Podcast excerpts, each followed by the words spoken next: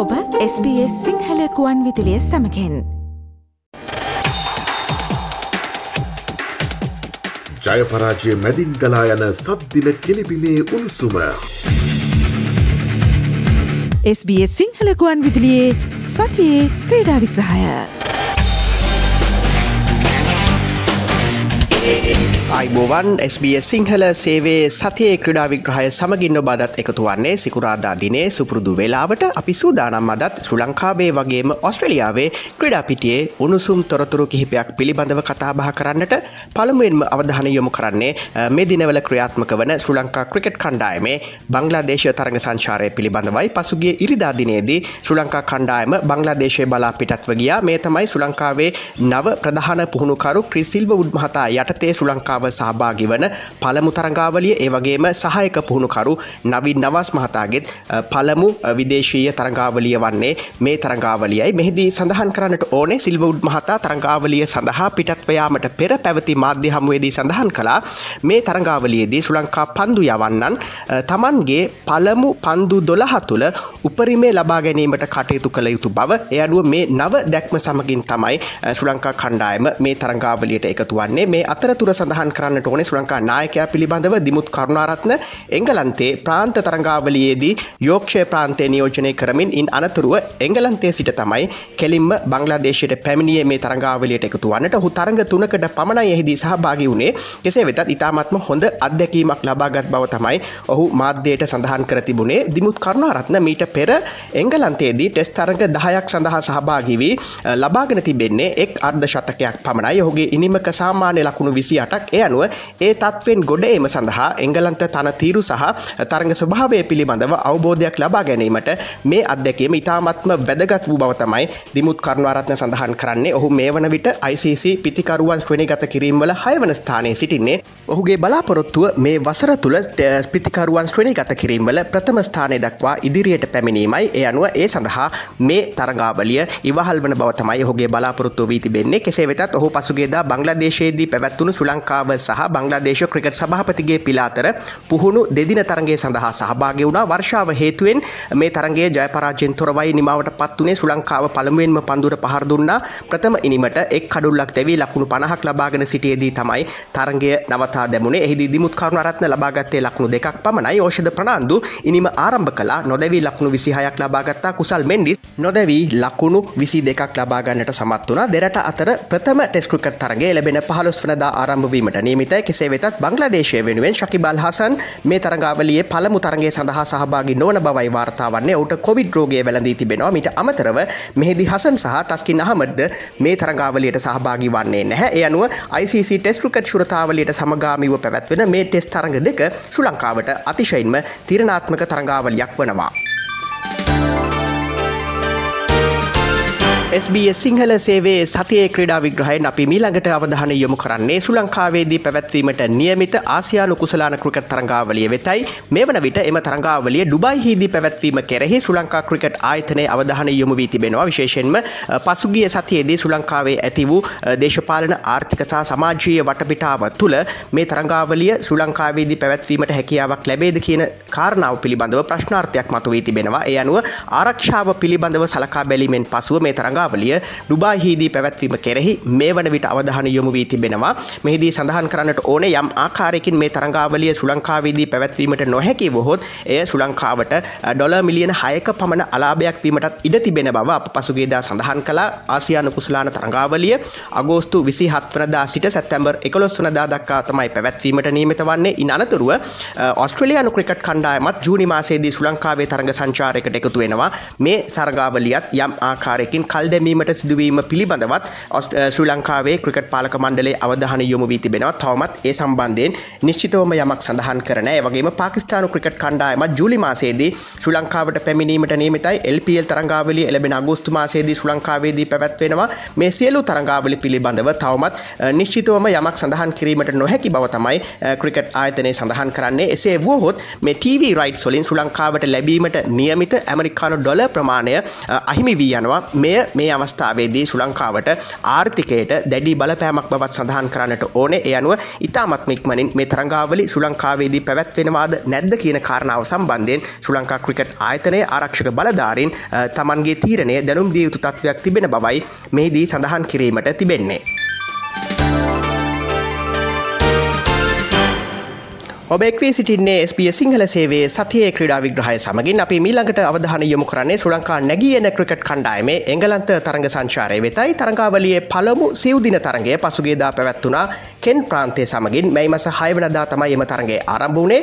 මෙම තරගේදී කෙන් ප්‍රාන්තය තමන්ගේ ප්‍රථම ඉනිමට කඩුළු අටකට ලකුණු පන්සිය අනූ පහක් ලබාගත්තා එම ඉනිමේදී ශතක තුනක් වාර්තා වුණා. ඊට පිළිතුරු ලෙස ශ්‍රී ලංකා නැගියන කණ්ඩායම තමන්ගේ ප්‍රථම ඉනිමට කඩුළු නමයක් දැවී ලකුණු හයසිය පනස් අටක් ලබාගන්නට සමත් වුණා. එහිදී නිශාන් මදුෂ්ක විශිෂ්ට ඉනිමක් ක්‍රඩා කරමින් ලකුණු දෙසිය හැට නමයක් ලබාගත්තා ඊට අමතරව ලසිත් කෘස් පුල්ලේ ලකුණු එකසිය තිස් හයක් ලබාගන්නට සමත් වුණා පිළිතුරු ලෙස කෙන් ප්‍රාන්තය තමන්ගේ දෙවන ඉනිමට තරගේ අවසන් වන විට එක් කඩුල්ලක් දැවී ලකුණු දෙසියක් ලබාගෙන සිටිය. ඒ අනුව එම තරගය ජයපරාජයෙන් තොරව නිමාවට පත් වනා ශ්‍රී ලංකා නැගියන ක්‍රිකට් කණ්ඩායම සහභාගී වන දෙවන සිවදින ක්‍රිකට් තරගේ අද දිනේදී ආරම්භවීමට නියමිතයි. තරගේ පැවැත්වෙන්නේ හැම්ෂය ප්‍රාන්ත කණ්ඩායම සමගයි. මේ සිවදින තරඟාවලිය සඳහා ශ්‍රී ලංකා කණ්ඩායමට නායකත්ව ලබා දෙන්නේ නිපුන් ධනංජය වගේම රුවන් කල්පගේ තමයි මේ ශ්‍රී ලංකා නැගියන කණ්ඩායමේ ප්‍රධාන පුහුණුකරුවා ලෙස කටයුතු කරන්නේ. SBS සිංහල සේවේ සතිය ක්‍රඩා විග්‍රහයෙන් අපි මීළඟට අවධානය යොමු කරන්නේ IPL තරංගාවලියට එක්වී සිටින ශ්‍රී ලංකා ක්‍රඩකින්ගේ දක්ෂතා පිළිබඳවයි. එහිදී සඳහන් කරන්නට ඕනේ බැංගලෝ කණ්ඩායම නියෝජනය කරනවා වනිදු හසරංග. ඔහු ඉහළම මිලකට මේ තරංගාවලියේදී අලවි වුණා. ඇමරිකාන් ඩොල මිලියන එකයි දශම හතරයි තුනකට කෙසේ වෙතත් බලාපොරොත්තු වූ තරම් ඔහුගේ දක්ෂතා මතු නොවුණු බවට ඇතැම් ඉන්දිය විචාරකින් පසුගේ දෙනවල චෝදනා එල්ල කරමින් සිටින වටපිටාවක ඔහු සමත් වනා පසුගේ ඉරිදාදිනේදී හයිඩ්‍රාබාත් කණ්ඩායමට එරෙහිව ලකුණු දහ අටකට කඩුළු පහක් මිදහෙළමින් විශිෂ්ට ජයග්‍රහණයක් අත්කර දෙන්නට යනුව වනිදු හසරංග පිළිබඳව නැවතවතාවක් IPL පිටියේ කතාබහට ලක්වමින් තිබෙන වටපිටාවක ශ්‍රී ලංකාවේ දුෂ්මන්ත චමීරත් ලක්නව් කණ්ඩායම වෙනුවෙන් ඉතාමත්ම සාර්ථක පන්දු යැවීමක නිරතවෙමින් සිටිනවා. තරග දහයකදී ඔහු මේ දක්වා කඩලු නමයක් බිඳහෙලීමට සමත් වී තිබෙනවා. ඒවගේම බානුක රාජපක්ෂ පංජාබ් කණ්ඩායම නියෝජනය කරනවා. පිතිකරුවෙකු ලෙස ඉතාමත්ම සාර්ථක ලෙස පංජාබ් කණ්ඩාය කණ්ඩායමේ ජයග්‍රහණය සඳහා ඔහු දායකත්වය දක්වමින් සිටින බව තමයි ඉන්දිය ක්‍රිකට් විචාරකින් සඳහන් කරන්නේ. මහේස් තීක්ෂණත් චෙන්නයි කණ්ඩායම වෙනුවෙන් ඉතාමත්ම හොඳින් පන්දු යවමින් සිටිනවා. ඒ අනුව ශ්‍රී ලංකා සියලුම ක්‍රඩකින් මෙවර IPL තරඟාවලයේදී විශිෂ්ට දක්ෂතා දක්වමින් සිටින බවත් සඳහන් කරන්නට ඕනේ. මේ අතරතුර අපි කැමති මලල ක්‍රඩා පිටිය තොරතුරක් වෙතත් අවධාන යොමු කරන්නට ශ්‍රී ලංකාවේ උස පැනීමේ ක්‍රඩක උශාන්තිවංක පසුගේදා ඇමරිකා එක්සත් ජනපදයේදී උස පැනීමේ ඉසවෙන් රන් පදක්කමක් හිමි කරගන්නට සමත් වනා ඔහු මේ වන විට ඇමරිකා එක්සත් ජනපදේ පුහුණුවීම් සඳහා සහභාගවෙමින් සිටින්නේ. මිටර දෙකයි දශම දෙකයි බින්දුවක උසක් වාර්තා කරමින් තමයි ඔහු එහිදී රන් පදක්කම හිමි කරගත්තේ. ඔහු මේ වන විට ශ්‍රී ලංකාව නියෝජනය කරමින් එලබෙන පොදුරාජ මණ්ඩලිය තරංගාවලිය නියෝජනය කරන්නටත් සුදුස්කම් ලබා තිබෙනවා. SBS සිංහල සේවේ සතිය ක්‍රඩා විග්‍රහයෙන් අපි මීළඟට අවධාන යොමු කරන්නේ ඔස්ට්‍රලයානු ක්‍රඩා පිටිය වෙතයි. ඔස්ට්‍රලියාවේ බ්‍රිස්බන් නුවර තමයි දෙදහස් තිස් දෙක ඔලිම්පික් තරංගාවලිය සඳහා සත්කාරකත්වය ලබාදීමට නියමිත වන්නේ. කවින්සන් ප්‍රාන්තය බ්‍රිස්බන් ක්‍රිකට් ක්‍රඩාංගනය කේන්ද්‍ර කරගනිමින් තමයි මේ තරංගාවලිය පැවැත්වීමට නියමිත වන්නේ. දහස් නමසය පනස් හයේදී මෙල්බන් නුවර ඔලිම්පික් තරංගාවලිය පැවැත්වුණා. ඉන් අනතුරුව දෙදහස වසරේදී සිඩ්නි ඔලිම්පික් තරංගාවලිය පැවැත්වුණා. ඉන් අනතුරුව තමයි දෙදහස් තිස් දෙක වසරේදී බ්‍රිස්බෙන් නුවර සඳහා ඔලිම්පික් සත්කාරකත්වේ හිමි වී තිබෙන්නේ. ඒ අනුව මේ දක්වා ඔස්ට්‍රලියාවට ඔලිම්පික් තරඟාවලි තුනක සත්කාරකත්වේ හිමි වී තිබෙනවා. දෙදහස් විසි එක වසරේදී තමයි මේ සත්කාරකත්වය නිල වශයෙන් නිවේදනය කරනු ලැබුවේ. ඊට පසුව ප්‍රථම වතාවට IOC නැතිනම් ජාත්‍යන්තර ඔලිම්පික් සම්මේලන සභාපතිවරයා තෝමස් බාක් මහතා ඔස්ට්‍රලියාවේ බ්‍රිස්පේන් නුවර නිරීක්ෂණ චාරිකාවකට එකතුනා ඔහු එදහස් නමසය හැත්තෑ හය මොන්ට්‍රියල් ඔලිම්පික් තරඟාවලියේදී කඩු හරඹ තරඟ ඉසව්වෙන් රන් රන් පදක්කමක් හිමි කරගත් ක්‍රඩකෙක් කෙසේ වෙතත් ඔහු මෙහිදී බ්‍රිස්පේන් නුවරදි ප්‍රදර්ශනාත්මක කඩු හරඹ තරගයකට සහභාගි වුණා එහිදී ඔහු ඇද වැටීම පිළිබඳව වීඩියෝවක් සමාජ මාධ්‍ය ඔස්සේ සංචරණය වන ආකාරයක් දක්නට ලැබුණා කෙසේ වෙතත් මේ සංචාරයෙන් පසුව ඔහු මාධ්‍යයට සඳහන් කර තිබුණේ මේ දෙදහස් තිස් දෙක ඔලිම්පික් තරඟාවලිය ඉතාමත්ම සාර්ථකව සංවිධානය කිරීමේ හැකියාව ඔස්ට්‍රලියාවට පවතින බවයි. SBS සිංහල සේවේ සතියේ ක්‍රඩා විග්‍රහයෙන් අපි මීළඟට අවධානය යොමු කරන්නේ ඔස්ට්‍රලයානු ක්‍රිකට් කණ්ඩායමේ ශ්‍රී ලංකා තරඟ සංචාරය වෙතයි. මේ වන විට ශ්‍රී ලංකාවේ පවතින දේශපාලන සහ ආර්ථික අර්බුදකාරී වාතාවරණය හේතුවෙන් මේ තරංගාවලිය පැවැත්වීම අවිනිශ්චිත තත්වයක තිබුණත් ක්‍රිකට ඔස්ට්‍රලයා ආයතනය සඳහන් කරන්නේ කෙසේ හෝ මේ තරංගාවලිය පැවැත්වීමට හැකියාවක් ලැබෙනු ඇති බවයි. මේ අතරතුර ඊයේ දිනේදී ඔස්ට්‍රලයානු විදේශකටයුතු දෙපාර්තමේන්තුව විශේෂ නිවේදනයක් නිකුත් කලා ඊට අනුව දක්වා තිබෙන්නේ සියලුම ඔස්ට්‍රලයානු පුරවැසියන් සඳහා සුලංකාවේ සංචාරය කරන විට මේ වත්මන් තත්වය පිළිබඳව අවධානය යොමු කරන ලෙසයි ඊට අමතරව ඔස්ට්‍රලයානු ක්‍රිකට් කණ්ඩායමටත් තමන්ගේ තරග සංචාරය පිළිබඳව නැවතවතාවක් සලකා බලන ලෙසත් ඔස්ට්‍රලයානු විදේශ කටයුතු දෙපාර්තමේන්තුව දන්වා තිබෙනවා මේ කටයුතු හේතුවෙන් මේ තරංගාවලිය පැවැත්වීම තවදුරටත් අවිනිශ්චිත තත්වයක පවතින බවයි සඳහන් කරන්නට ඕනේ T20 තරඟ තුනක් එක්දින ජාතියන්තර තරඟ පහක් සහ ටෙස් තරඟ දෙකක් මේ තරගාවලියට අයත්වීමට නියමිතව තිබෙනවා.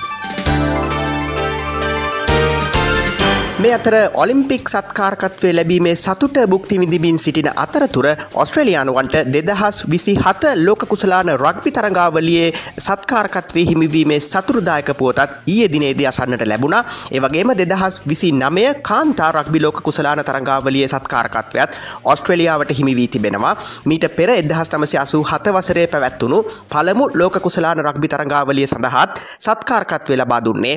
ඔස්ට්‍රලියාව සහ නවසිලන්තයයි ඉන් අනතුරුව දෙදහ දෙදහස් තුන වසරේදීත් ඔස්ට්‍රලියාව ලෝක කුසලාන තරංගාවලියට සත්කාරකත්වය ලබා දුන්නා.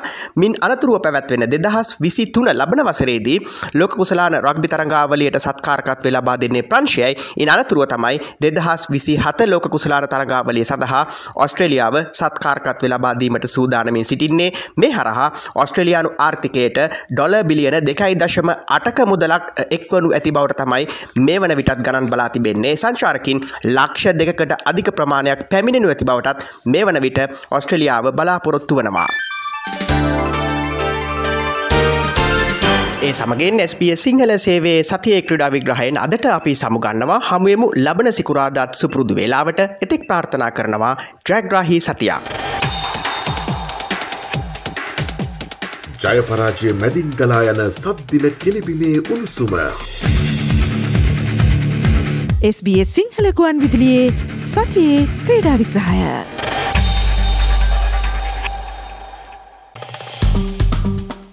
ලයි කරන්න ෂයා කරන්න අදහස් ප්‍රකාශ කරන්න SBS සිංහල ෆස්බුක් පිටුව ෆලෝ කරන්න.